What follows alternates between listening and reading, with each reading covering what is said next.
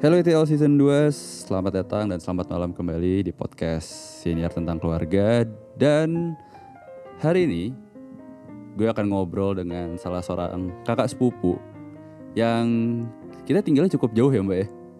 Cukup jauh, Ya cukup jauh banget. jauh, jauh banget dan udah lama kita nggak ketemu ya Gara-gara covid Ini kali. beda beda provinsi ya kita tuh ya. Oh iya bener, beda provinsi, udah beda provinsi.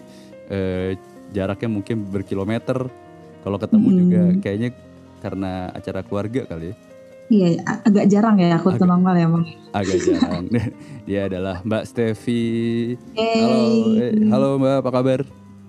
Halo Dika baik-baik. Kamu gimana kabarnya? Baik, alhamdulillah. Ini Sehat ya. sehat dong. Ini lagi di rumah atau gimana Mbak? Aku lagi di rumah kebetulan. Jadi kan Hmm. eh di kantor juga kan WFA WFO ya. Jadi sehari masuk sehari enggak gitu. Oh, Jadi, oh selang-seling. Sekarang di rumah hmm, gitu. Oke, tapi sehat lah ya. Sehat, puji Oh, Tuhan. Sehat. Ah. Nah ini sebelum mulai, aku mempersilahkan Mbak Stevi memperkenalkan diri dulu. Boleh nama dan juga sekarang kegiatannya apa?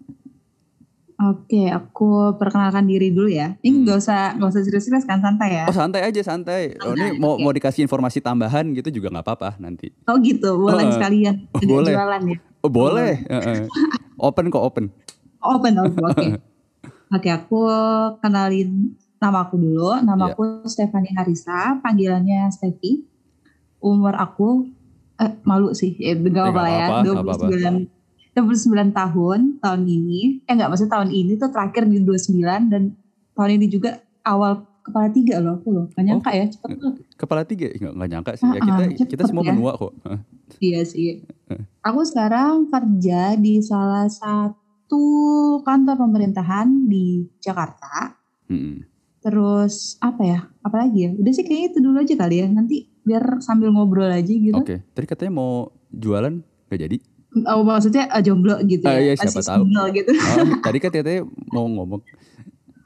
Oh gitu ya? Ah, Jadi, ya aku masih masih single gitu. Oh. Mungkin kalau ada teman-temannya Dika yang mungkin seumuran aku mungkin nggak? Nggak mungkin ya?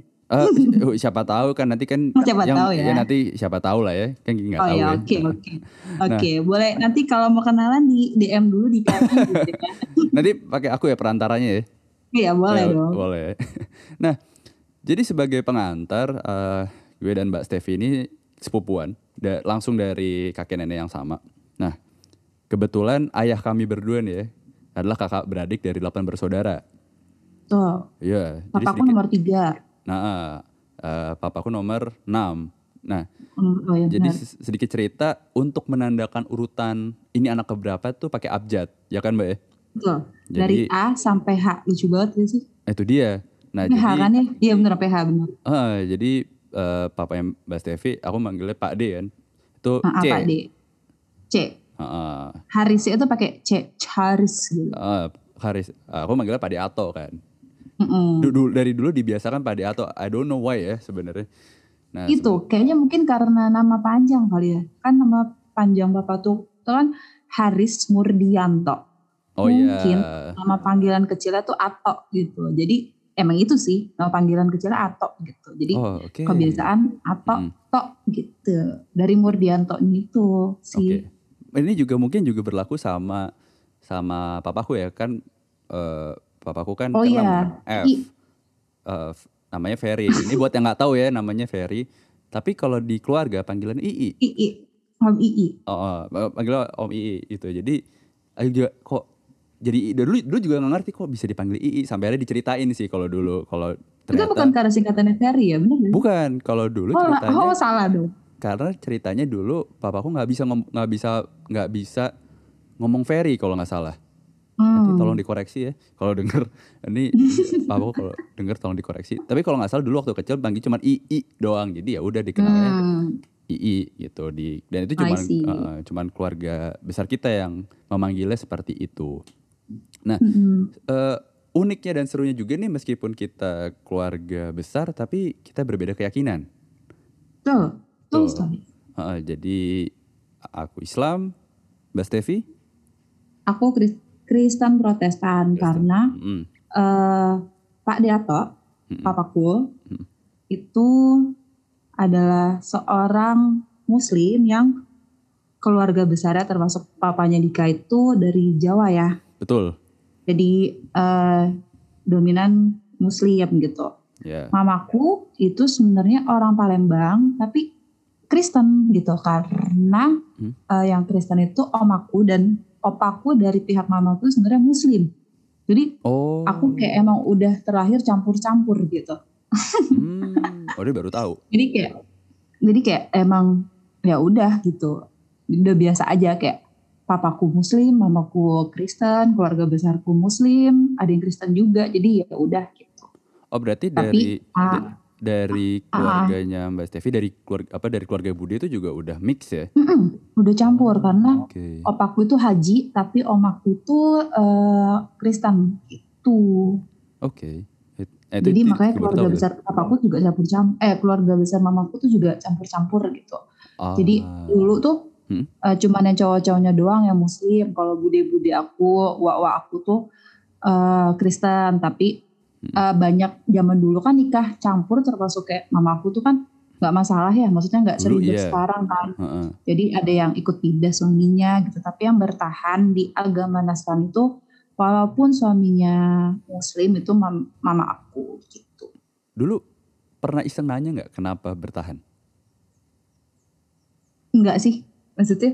Hah? Enggak aku enggak enggak pernah nanya. Tapi Hah? sem- apa dengan semakin dewasanya Hmm. aku gitu Hmm. jadi kayak sudah tahu. Mungkin ya itu keyakinan ya. Maksudnya kayak Iya bener. walaupun itu enggak enggak bisa dipaksain sih. Mau Iya sih. apa pun pasangan pasangan atau gimana tapi Hmm. yang namanya kita percaya sama Tuhan kan dari hati. Jadi Kak, aku sih gak pernah nanya ini itu sih. Iya, itu cukup rahasia masing-masing lah ya. Iya, gitu. Maksud aku selagi hubungan uh, mama papaku dulu tuh baik-baik aja walaupun beda ya it's okay gitu. Iya, Gak, benar. nggak ada masalah kan gitu. Hmm. Walaupun Dan pasti Heeh. pastilah ya mungkin yang namanya rumah tangga pasti ada konsletnya tapi aku sih masih sih so far so good aja. Iya, dan justru itu malah jadi nilai unik sendiri lah. Buat Iya. buat aku pribadi jadi unik gitu. Wah, ada Hmm. apa kalau lebaran diucapin dan ngucapin, kalau Iya. Natal pun juga rayain Datang ya. Natalan di rumah. Heeh. jadi seru gitu. Iya betul. Tapi em, ini buat para pendengar, salah satu alasan kenapa mau ngajak ngobrol Mbak Stevi bukan masalah, ini bukan masalah beda agama, tapi memang Hmm. adalah tentang eh, papanya Mbak Stevi atau Pak Ato itu yang tadi sudah diperkenalkan oleh Mbak Stevi. Jadi eh, ini mungkin Mbak Stevi boleh nanti kore- koreksi sedikit lah ya. Eh, Hmm. dua, 20 tahun yang lalu ya, 20 tahun lebih yang lalu eh, Pak D tuh 22 dua, apa, 20, 22 ya? 22 tahun. Iya, 22 tahun. 99 sekarang 2021 tuh berapa sih? Bener Ya, gak sih? 22 tahun. 21 ya? Heeh. Iya 22an. Oke, 22 tahun yang lalu eh, Pak Deato Mm-mm. ini wafat. Dan Betul. sakit ya, karena sakit yang sudah cukup lama. Nah, Iya. karena aku pribadi waktu itu masih TK gitu. Jadi nggak nggak I don't have Nggak- uh, fond memories gitu tentang beliau. Ya kalau Mm-mm. per- pernah ketemu ya ya masih umur 3 tahun, 4 tahun. Iya. Itu zaman zaman Dika suka nge-host jadi Dede Yusuf loh. Ah, eh, Ini buat oke. para pendengarnya Dika, Dika itu emang udah dari kecil itu hobinya tuh nge-host kayaknya. Jadi pas Ih. banget kalau buka podcast kayak gitu tuh kayaknya emang udah dari bawaan kecil gitu, langsung nge-host gitu. Dia pokoknya kalau main ke rumah tuh selalu jadi Dede Yusuf gitu. ya Iya. kan Dik ya? Iya bener-bener Eh masih ingat lagi Ya untuk Om Dede Yusuf Masih Kalau dong. denger eh, Hmm. Tolong ya di mention saya Dulu emang sukanya Dulu suka zaman dulu kan Zaman 90an tuh kuis banyak banget ya mbak ya? Ya itu kuis apa tuh sih Dede Yusuf tuh aku lupa. Eh, Tar dulu Oh taktik itulah. boom Taktik Oh iya benar itu. Dulu tuh kan ada Ada Dede Yusuf Ada Jeffrey Hmm. Wawruntu Ada Aduh Sony Tulung ya Banyak lah Dan memang Ya. ya, ya, Tapi Dika eh, role modelnya Dede Yusuf sih. Iya, betul, betul sekali. Aduh, inget aja lagi jadi malu. Eh, inget itu, dong. itu bocoran zaman dulu. Ya udahlah nggak apa-apa lah. ya balik lagi ya, ini balik lagi tadi interview Mhm. sedikit. Jadi pokoknya dulu eh, Pak Deato ini wafat ketika tahun 99. Aku pribadi masih TK, jadi nggak. Kalau nggak salah bulan Juli ya, nggak sih mbak? bulan Juli sebelum aku dan eh, papa ulang tahun sih itu tanggal berapa Juli deh aku Karena lupa ka- karena aku ingatnya ini ini coba aku mencoba mengingat kembali dulu itu pas Pak dia meninggal aku nggak ikutan ke makam. Oh iya? Eh, aku nggak ikutan, nggak ikutan, pokoknya ditinggal di rumah. Hmm. tapi kalau nggak salah itu emang nggak jauh dari aku ulang tahun. Jadi like, Iya betul. Pokoknya awal Juli deh. Eh, kalau setahu aku juga awal. Juli. Nah, jadi banyak, tapi ini balik lagi ini banyak hal yang aku nggak nggak pernah tahu karena eh, balik lagi masalah rumah kita jauh satu dan kedua eh, kita jarang banget ketemu apalagi pas kita masih sekolah ya mbak. ya. Mm-mm. Jadi itu jarang banget kita ngobrol, jarang kita cerita-cerita. Jadi sekit aku merasa dulu tuh lost contact banget semenjak Pak D tuh wafat.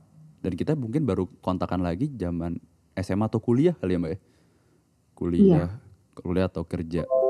Nah, Kayaknya ini deh pas apa? Eyang meninggal ya?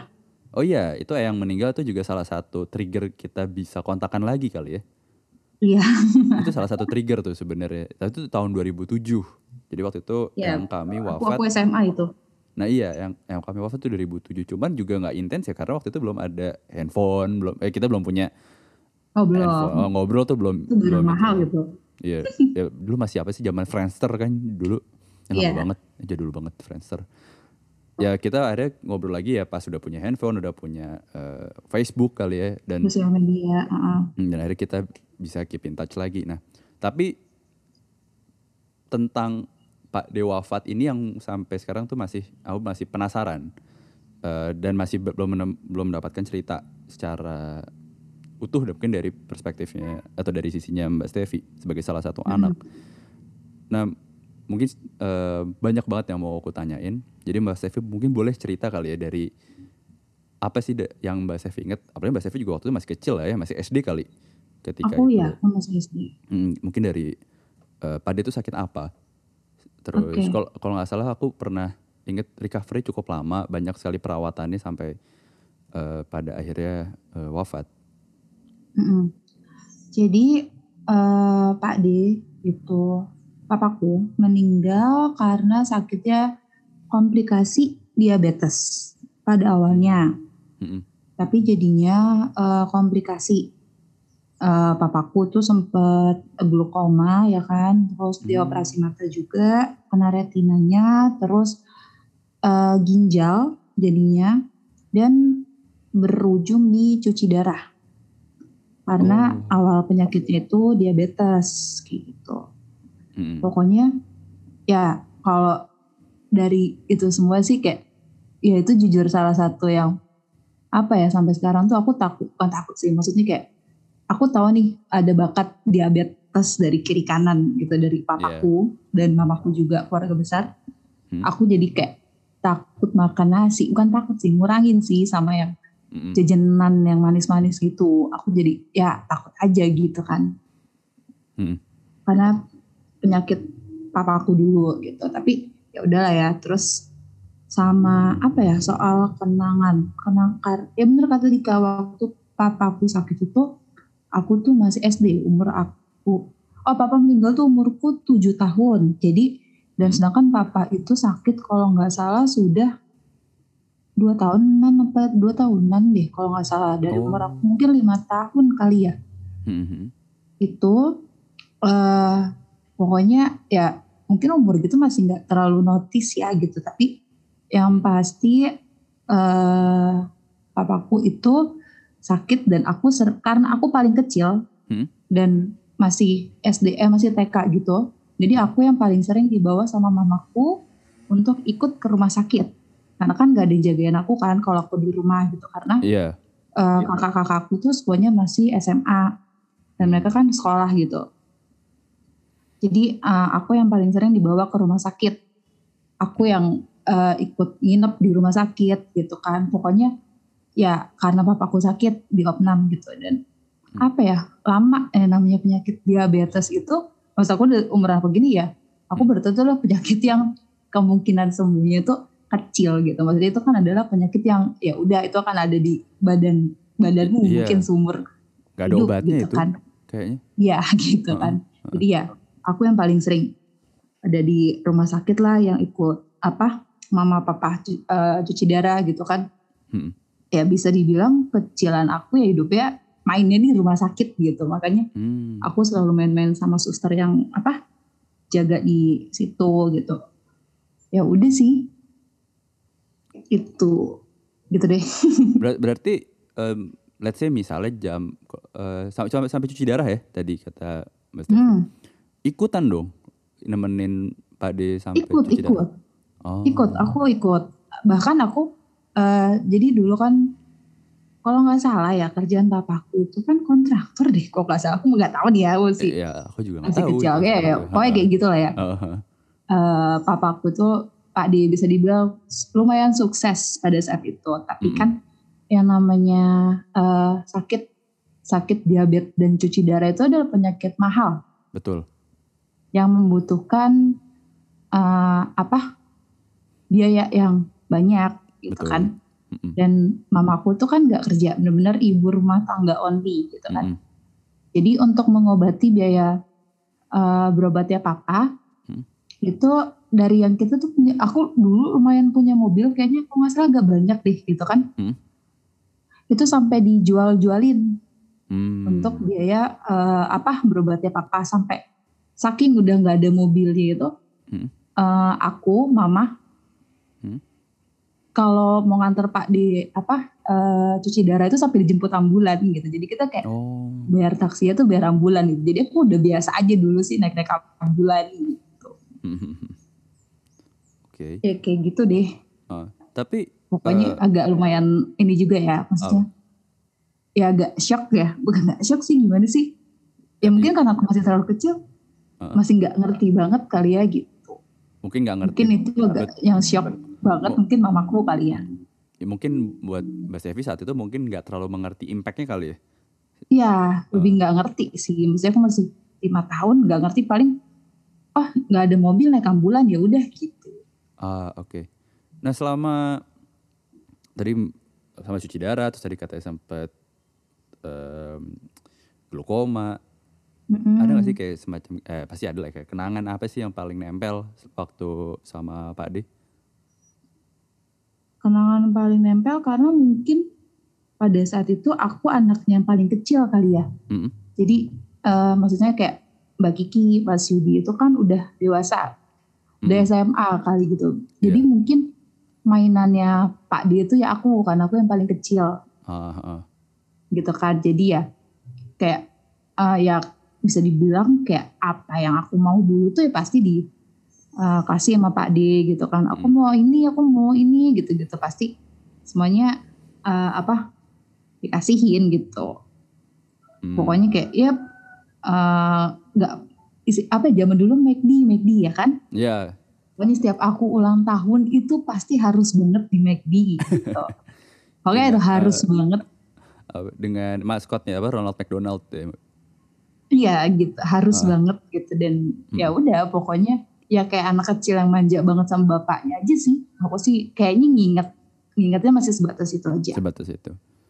Mm-mm. Em, ketika let's say hari-hari terakhirnya Pak D, itu kalau sorry kalau boleh tahu Pak D itu wafatnya di rumah sakit kah apa di rumah? Eh, wafat itu eh, di rumah. Jadi kan Oh. emang Pak Ade itu udah keluar masuk keluar masuk rumah sakit gitu Oh. kan, udah biasa lah gitu. Mm. Tapi eh, di hari-hari terakhirnya itu meninggal di rumah Mm. di pangkuannya Mas Yudi. Oh, gitu jadi pokoknya sih aku nggak nggak nggak tahu persis banget tapi kalau kalau nggak salah ceritanya itu jadi pokoknya kan Pak D itu eh, tidur udah nggak mau di kamar tuh maunya di depan TV gitu Mhm. terus malam-malam minta gantiin baju atau minta ambilin minum gitu yang jaga ini itu di depan tuh Mas Yudi kan ya. Terus abis abis minta ganti baju apa minta minum aku lupa terus tidur tidur lagi Hmm. terus udah udah aja gitu Oh, udah Mm-mm. ya udah le- lewat aja gitu. Oh. Iya, iya udah tidur aja gitu. Dikirain tidur gitu kan. Hmm. Tapi kok lama-lama kayak nggak gerak, kayak nggak apa gitu. Terus akhirnya subuh-subuh Hmm. eh, masih dibangunin mama. Hmm. Terus ngeliat kan papa udah kayak kaku nggak gerak. Hmm. Terus kita manggil dokter, terus dokter bilang udah nggak ada. udah meninggal. Gitu. Ah, oke. Oh, berarti ini juga baru tahu. Berarti meninggal di rumah. Di rumah, Oke. di rumah yang dulu di Duren Sawit. Nah, bukan ya yang sekarang. It- aku aku masih inget tuh rumah yang durian sawit. Kayak pernah ke sana kan, karena aku juga pernah ke sana. Tapi ya Heeh. lama udah lama banget. Iya inget tuh durian sawit tuh. Nah, em, itu kan 22 tahun yang lalu dan Mas masih SD. Saat Mm-mm. itu ngerasa ngerasain impactnya nggak sih ketika Pak Dewa akhirnya wafat? Kerasa impact, Gelangnya impact gitu. eh, mungkin gini, ya kayak aku bilang tadi kan umur aku masih Hmm. kecil banget ya. Hmm. Tapi setelah Pak D meninggal itu mungkin impactnya yang terasa sekali itu buat Bude, mamaku, Hmm. Dan kedua kakakku mungkin yang udah ngerti karena mereka sudah jauh lebih dewasa daripada aku kan pada saat Hmm. itu. Hmm. Eh, jadi setelah tadi kayak aku cerita pas setelah Pak meninggal itu Hmm. eh, adalah apa ya ekonomi keadaan ekonomi kali ya yang tiba-tiba tuh makin turun parah. oke. Jadi ah, ah, jadi kayak pada saat eh, Pak D sakit itu kan ya kayak aku bilang banyak Ah, banyak lah eh, bukan bukan harta ya maksudnya ya Iya, itulah iya, yang iya, apa yang aset terjual lah. gitu ya. Aset yang Iya. terjual gitu kan untuk biaya perobatan Pak D. Dan setelah Pak D meninggal pun eh eh, apa mamaku kan nggak kerja juga gitu kan. Mm. Jadi akhirnya untuk membiayai pada saat itu kakakku Hmm. Mas Yudi Hmm. sudah tamat SMA. Oke. Tapi mamaku eh, mau memperjuangkan untuk kakakku menjadi anak laki-laki yang sekolah gitu. Mm-mm. Biar gimana kan eh, Mas Yudi adalah harapannya mamaku nih Iya.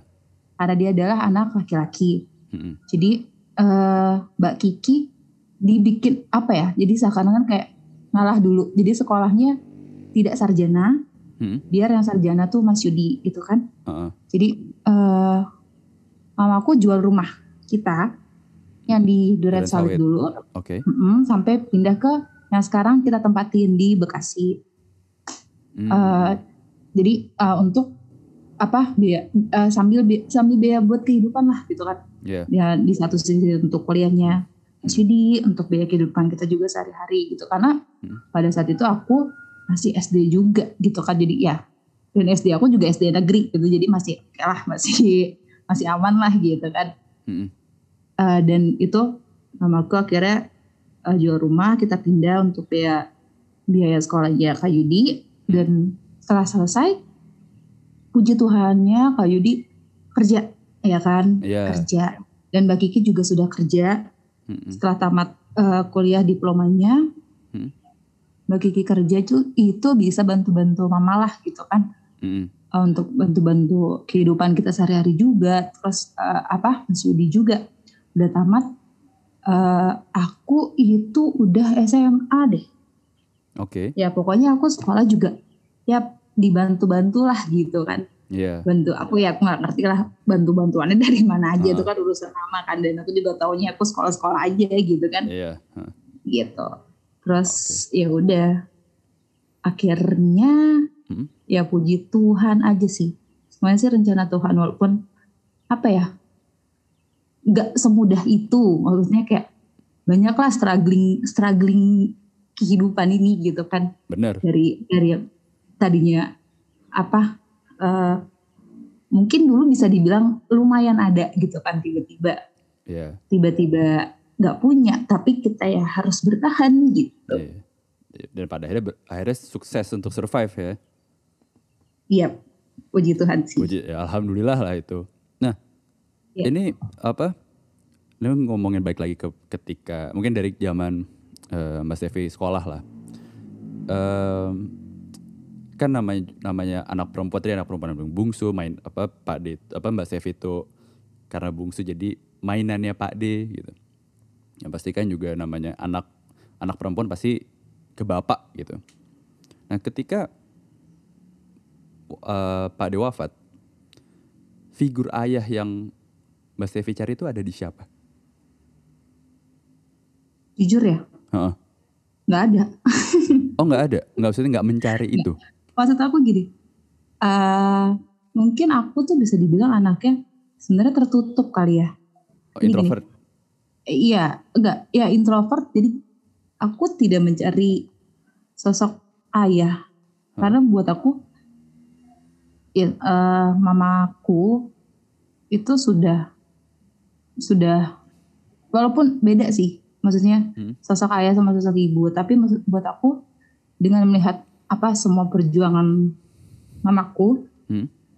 ya sudah gitu jadi ya aku tahu papaku sudah sehat di sana sudah tenang sudah itu jadi ya ya udah aku aku bersyukur aja kayak oke Tuhan baik Tuhan sudah sudah sama papa sekarang gitu dan Hmm. ya dan aku tidak mencari tidak mencari karena buat aku nggak ada yang bisa gantiin sosok ayah sih buat aku selain papaku gitu Oh ya, ya make sense sih. Ya karena kan who knows kita aku nggak tahu ya. Knows kan misalnya mencari ya itu bisa bisa ke om gitu atau ke siapa gitu.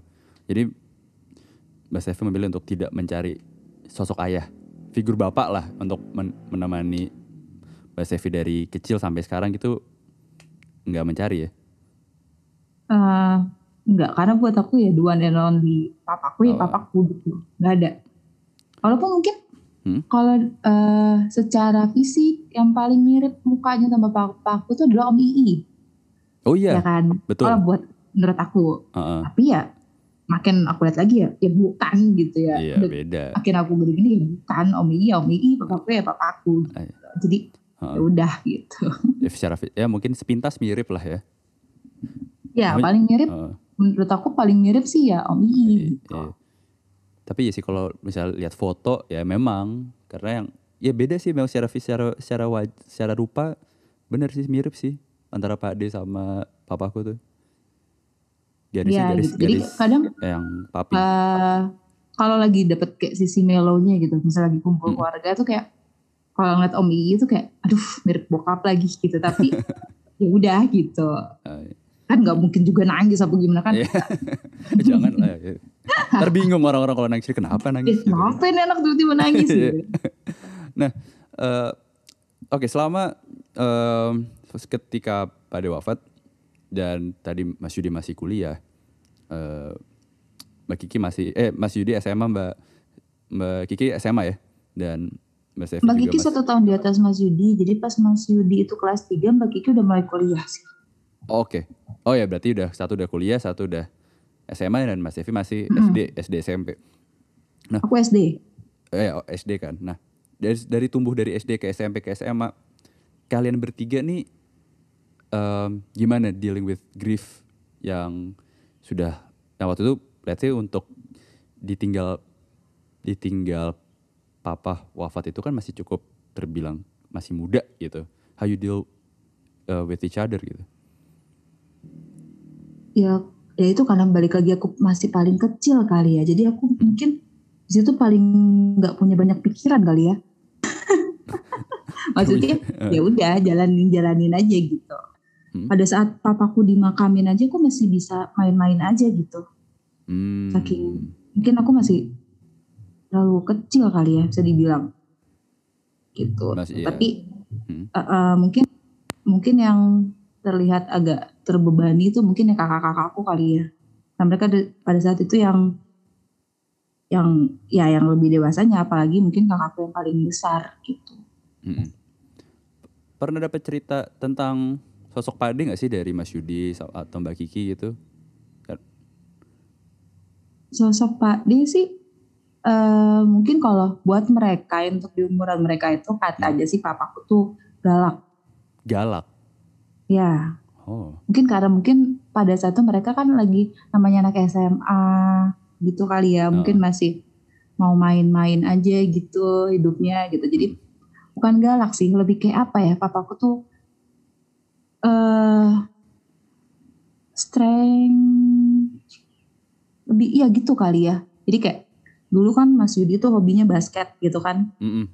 jadi sering lupa waktu kalau main basket gitu. Yang aku inget sih eh, Pak dia tuh pernah marah sampai barang-barangnya Kak Yudi tuh dilempar semuanya gitu. Tadi udah main basket aja gitu, gak usah pulang gitu. Uh, Kayak gitu-gitu sih. ya, Karena mungkin ya gitu deh. ya seorang bapak kali. ya. Iya, karena mungkin kebanyakan main kali ya. Jadi mungkin lupa pulang gitu. Nama juga masih anak ya paling SMA. pas batas-batas itu aja sih. Hmm. Tapi Tapi kayak kayaknya apa? lebih lebih galak ke anak laki kayaknya sih. Tapi kalau ke anak perempuan kayaknya nggak sekeras itu sih Pak Adi itu. nggak nggak sekeras nggak sekeras itu ke anak kayak misalnya ke Mbak Kiki gitu. Iya. Hmm. Nah aku tuh mungkin sedikit agak sedikit belok. Aku inget banget dulu tuh kalau nggak salah, eh aku nggak tahu ini kakaknya Mbak Kiki. Mas Anton itu kakaknya Mbak Kiki kan deh? Oh iya jadi kayaknya lupa bilang Nggak, ya. tadi kita lupa cerita. Jadi sebenarnya Iya lupa lupa skip skip. Nggak eh, jadi kit- kit- eh, eh, gimana? Coba kita tuh cerita. empat bersaudara. Mm-mm. Aku aku Iya. empat bersaudara. Jadi paling pertama itu Mbak Kiki, Mm-mm. kedua Mas Yudi, Mm-mm. ketiga itu Mas Anton, itu tadi yang Dika bilang, Mm. dan keempat itu aku. Mm-mm. Mas Anton itu meninggal pada saat usianya tiga tahun. Tiga. Dan itu jauh sebelum aku lahir. Oh itu justru sebelum Mbak Sevi lahir. Jauh jauh sebelum Oh. aku lahir. Jadi Mas Anton itu kelahiran 87 deh kalau nggak salah. No, no, no, 85, 85. Jadi Mbak Kiki itu 80, Mas Yudi 81, Mas Anton 85. Oh. Tapi eh, pada usianya tiga tahun meninggal. Mm-mm. Terus eh, Mama punya aku lagi di tahun 91 gitu. Oh berarti jaraknya Mbak Sevi sama Mbak Kiki jauh ya? 11 tahun. Jauh sama Mas Yudi jauh, 10 tahunan sama Mbak Kiki 11 tahun Hmm. gitu. Karena eh kalau agak gini, kalau di keluarga aku sering dicengin gitu. Kenapa? Dicenginnya karena gini, ah eh, kau tuh lahir eh, buat gantiin Anton doang gitu lah. Dulu tuh sering nangis lah kalau dicengin gitu. Tadinya tuh nggak mau, mama tuh nggak, eh, kau nggak mau dilahirin gini gitu. Eh, cuman karena buat gantiin Anton kalau enggak mah nggak dilahirin gitu-gitu deh waktu zaman kecil tuh sering dicengin kayak gitu tapi tapi enggak kan? enggak enggak emang emang tahu aja rezekinya Ya, Dapat lagi. apa mama hamil lagi aku Berarti sebenarnya kalau misalnya almarhum Mas Anton ada berarti dekatnya pasti sama Mas Anton ya? Lebih oh sepantaran ini iya oh gini malah justru kata orang. Kalau ada Anton itu nggak bakal ada aku gitu. Iya tapi iya aku juga sering mendengar mendengar kalimat itu sih. Apa ya di keluarga kita kan cukup ini ya apa cukup apa eh, mitos-mitos itu tet- ada kan. Ya aku juga baru- Iya. dulu kan sering diceritain tentang Mas Anton. Iya dulu meninggal meninggal karena lagi main ya kalau nggak salah. lagi main terus ketumpahan satu gerobak air bakso yang abang-abang itu loh heeh. Ya, itu. Heeh, terus dia luka bakarnya itu ham- hampir 100% dan eh, infeksi kulit kulit ke dalamnya itu karena kuah bakso kan ada segala lada apalah Iya, apalah iya, gitu iya, kan iya. Heeh. untuk anak untuk anak umur tiga tahun yang mungkin belum kuat. ringkih ya gitu Iya. kan jadi tidak kuat setelah satu bulan di eh, apa di ruang khusus tuh ICU apa apalah Iya, zaman dulu itu ada istilahnya lebih apa gitu untuk lebih intensif lagi Hah? ternyata ya meninggal gitu Oh. Itu buat jadi para sampai sekarang mamaku tuh Hah? trauma lah sama bakso bakso baksoan gitu gerobak udah ya. setua iya ya udah setua ini aja kalau kayak mau beli bakso tuh aku nggak boleh keluar dari pagar takut Iya, itu dia. Itu dia tuh buat para keluarga yang baru punya anak yang masih umur 2 tahun, ya hati-hati lah ya. Ja- Jangan sampai anaknya nubruk. hati-hati walaupun kemungkinan maksudnya kemu- ya nggak nggak semua langsung kesiram gitu kan iya nggak sih. cuma ya namanya namanya musibah ya kan Mm-mm. Ya itu kan accidental ya. tuh Heeh. Nah, eh, sekarang Pak Ade sudah wafat 20 tahun lebih. Eh, ada nggak sih kayak misalnya hal-hal yang nggak tahu mungkin apakah dari foto atau dari cerita yang menggambarkan Pak D itu seperti ini loh gitu dan mungkin kayak membuat seorang Mbak Stevi ini bangga punya ayah seperti Pak D Ato. mungkin foto-foto di rumah sih masih ada ya fotonya Pak D gitu dan Mm-mm. dan ya seingat aku zaman aku kecil itu ya pokoknya Pak D itu hebat lah gitu kan Mm-mm. orang hebat buat aku Mm-mm. jadi sih kalau untuk ya kayak gitu-gitu sih udah pasti banget aku masih ingat banget gitu pokoknya ya walaupun nggak lama aku kenal Mm. eh, papaku tapi Hmm. Ya pasti aku masih ingat lah gitu kan walaupun inget-ingetnya kayak cuman ya inget-ingetan anak kecil kayak ya dulu ah, gue minta ini itu minta ini itu kalau ada apa-apa pasti dikasih ya gitu kan Mm-mm. kayak gitu sih Hmm, tapi tapi pernah dapat cerita nggak misal dari om siapa atau atau misalnya dari kerabat ya pak, kayak oh bapakmu tuh orang hebat gitu loh. kalau dari cerita sih nggak nggak heb, bukan hebat dalam arti apa ya. mungkin aku lebih bangga karena papaku tuh orangnya tuh lucu kayaknya Lucu. jahil Ah, Oh, nggak tahu nih. kalau. Mm-mm, kalau kata uakku, uakku dulu itu, Hmm. uh, uakku itu kan uh, kakaknya mama. Kakaknya mama itu dulu satu kelas sama Pak Deato waktu di Palembang. Oke. Ah, dan dia bilang gini, papa kau tuh dulu tuh, udah bahasa Palembang ya. Iya, iya. Papa kau tuh dulu tuh jagoan. Maksudnya Wak, aku bilang gitu. Iya jagoan, pokoknya paling nakal di kelas gitu. Mm-mm. Jadi kalau itu sekelas pada takut semua sama si sama Haris gitu kan. Mm-mm. maksudnya ya jadi kan dulu sekolah sekolahnya kan Katolik ya kalau zaman dulu itu kan Betul. Heeh. sekolah Katolik itu banyak yang non pribumi Hmm, hmm, hmm. nah itu sering di ditindas selama papaku gitu jadi Hmm. aku bangga sih oh ternyata bakat-bakat eh, sengaknya gitu jagoannya tuh dapetnya dari papa kali ya gitu berani Modal gitu nekat, berani ya.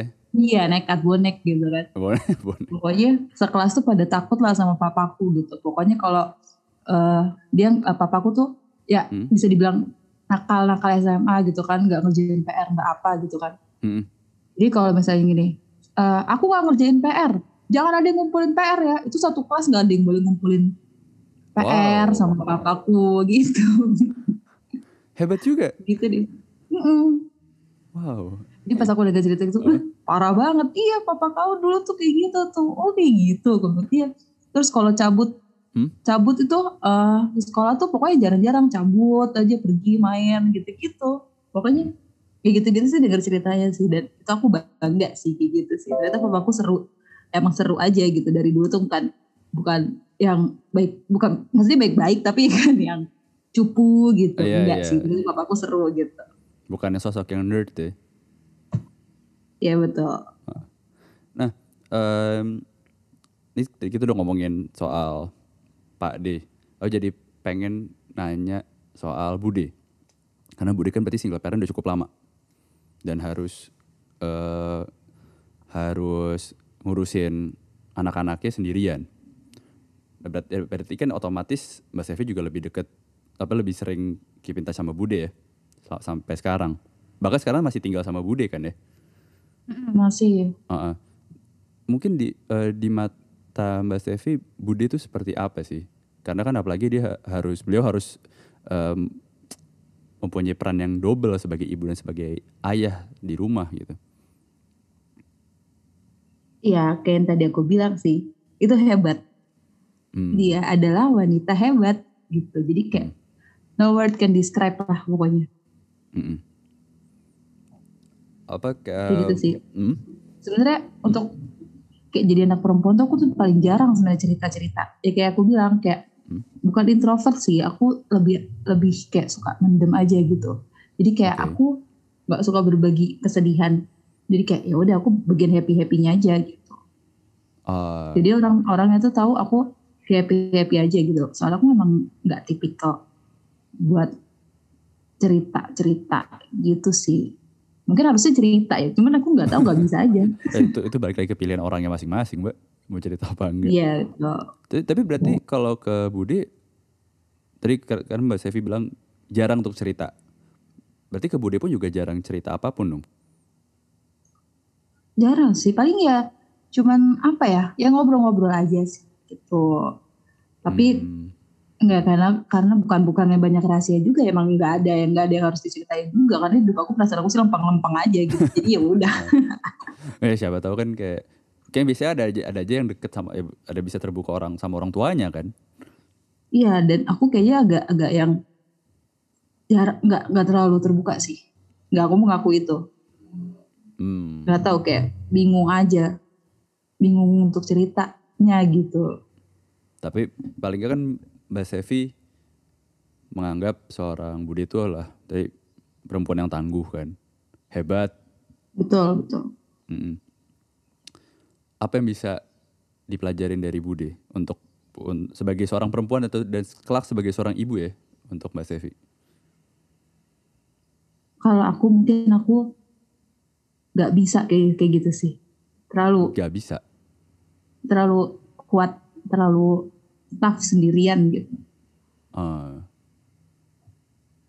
mungkin maksudnya Mm. maksudnya mungkin aku belum tentu sanggup untuk mengalami hal-hal yang kayak gitu yang apa yang Mm. uh, mamaku alamin gitu. tapi Budi sering cerita nggak sih? Maksudnya pernah pernah deng, apa ya pernah dengar Budi recall the memories di last days-nya Padi? Enggak sih karena Hmm. kalau pada masa itu aku ikutan ngalamin karena kan dia aku Hmm. bilang aku uh, ik- selalu ikut kalau pas lagi ke rumah sakit pas kayak gimana gimana jadi jarang kita recall sih karena Hmm. karena sama-sama ngalamin sama-sama bareng ada di kejadian Ada di situ. itu Mhm. Oke, nah ini paling cuman Apa? apa, ya cerita-cerita kayak zaman dulu sebelum jauh sebelum Pak Ade sakit jauh sebelum Mm. yang pas bagian happy happynya aja kali oh diceritainnya bagian-bagian happy-nya. Mm-mm, Oh, gitu ya setiap karena tiap orang punya ininya sih kali ya. Caranya sendiri untuk mengingat kembali ke masa lalu sih. betul Mm-mm. Em, setelah eh, 20 tahun 22 tahun 22 tahun em, wafat pernah nggak sih berhayal sedikit gitu ya? Seandainya Pak D masih ada gitu. What would you do with him? Itu sering sih. Malah kayak belakangan ini kali ya. Hmm.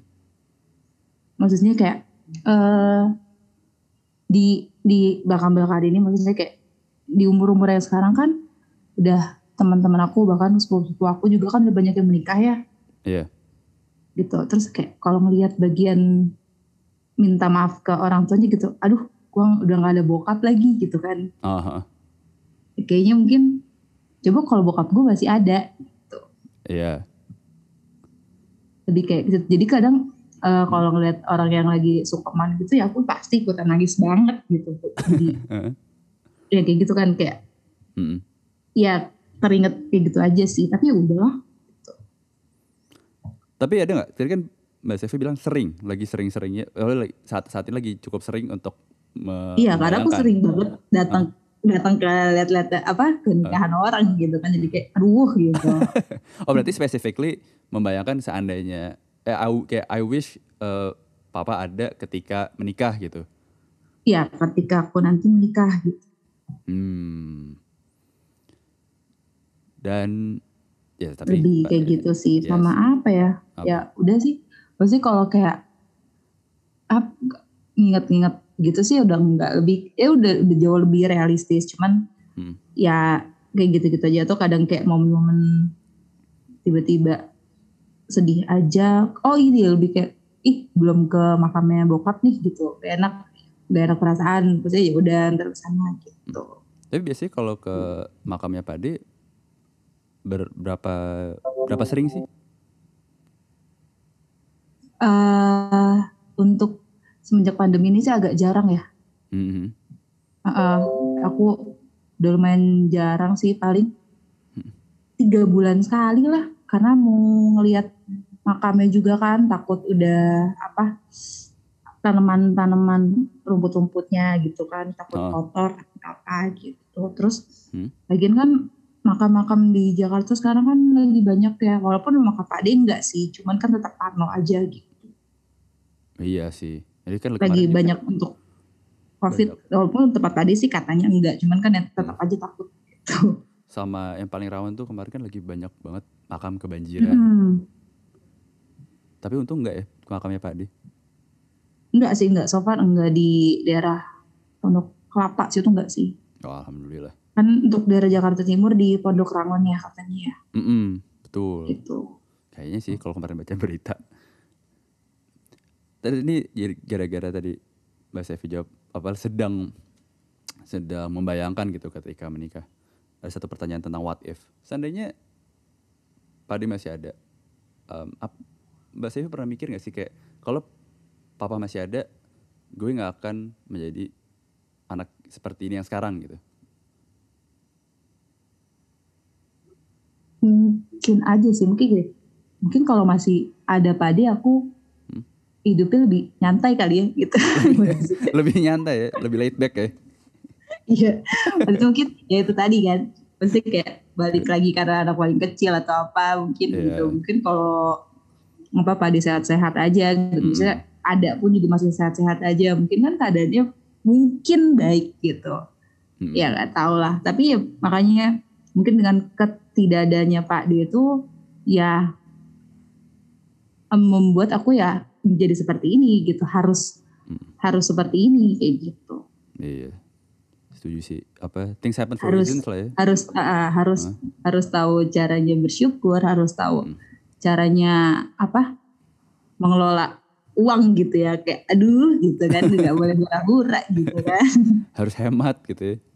banget banget Eh, banyak orang mungkin juga seperti Mbak Sevi yang sudah kehilangan ayahnya.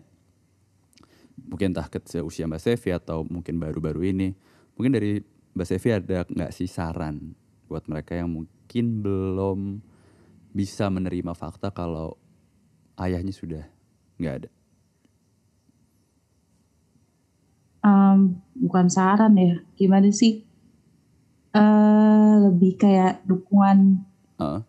dukungan doa kali ya maksudnya gini Hmm. ya kayak tadi bilang eh semuanya itu terjadi udah kehendak Tuhan sih Mm-mm. mungkin sakit pasti kaget shock apa segala sedih gitu kan Iya. kehilangan kehilangan eh, apa apalagi orang tua gitu kan Hmm. tapi percaya aja Tuhan tuh pasti punya rencana baik gitu Eh, rencana baik di setiap jalan yang kita lewatin walaupun mungkin susah mungkin berat tapi percaya deh pasti endingnya tuh baik gitu Mhm. Jadi, percaya sama Tuhan aja Pokoknya Tuhan pasti akan memberikan yang lebih baik kalau kita percaya dan bersyukur Betul. ya. Ke- Betul, sama, Bang. Sama mukjizatnya lah, sama kekuasaan Iya. kuasanya. Oke Betul. kalau gitu, Mbak Stevi terima kasih untuk waktunya. Terima kasih Dika Eh, terima kasih untuk sharing tentang Pak D. ya sama-sama semoga yang denger ini ya nggak bosan ya Ya semoga yang denger eh, inilah lebih kayak mungkin buat yang yang denger dan juga posisinya sama juga bisa merasakan ceritanya Mbak Stevi. ya pokoknya semuanya baik apa pun yang terjadi itu semuanya baik gitu Mm-mm. Dan paling benar tuh God is great ya. Betul banget Heeh, God is great. pokoknya Percaya. jangan pernah putus doa sih kalau aku bilang Mm. Ya, Pokoknya apa pun keyakinannya, kalau aku ya, apa pun keyakinan mereka gitu, entah Islam, Kristen, Katolik, yang penting percaya sama Tuhan, pasti akan ada jalannya lah. betul Mm-mm. Oke, sekali lagi terima kasih Mbak Sevi untuk waktunya. sama-sama Dika makasih ya Stay safe dan terima kasih juga buat para pendengar. dadah sehat-sehat bye bye Bye. Dan terima kasih juga buat para pendengar yang sudah mendengarkan episode kali ini. Selamat beristirahat dan selamat malam.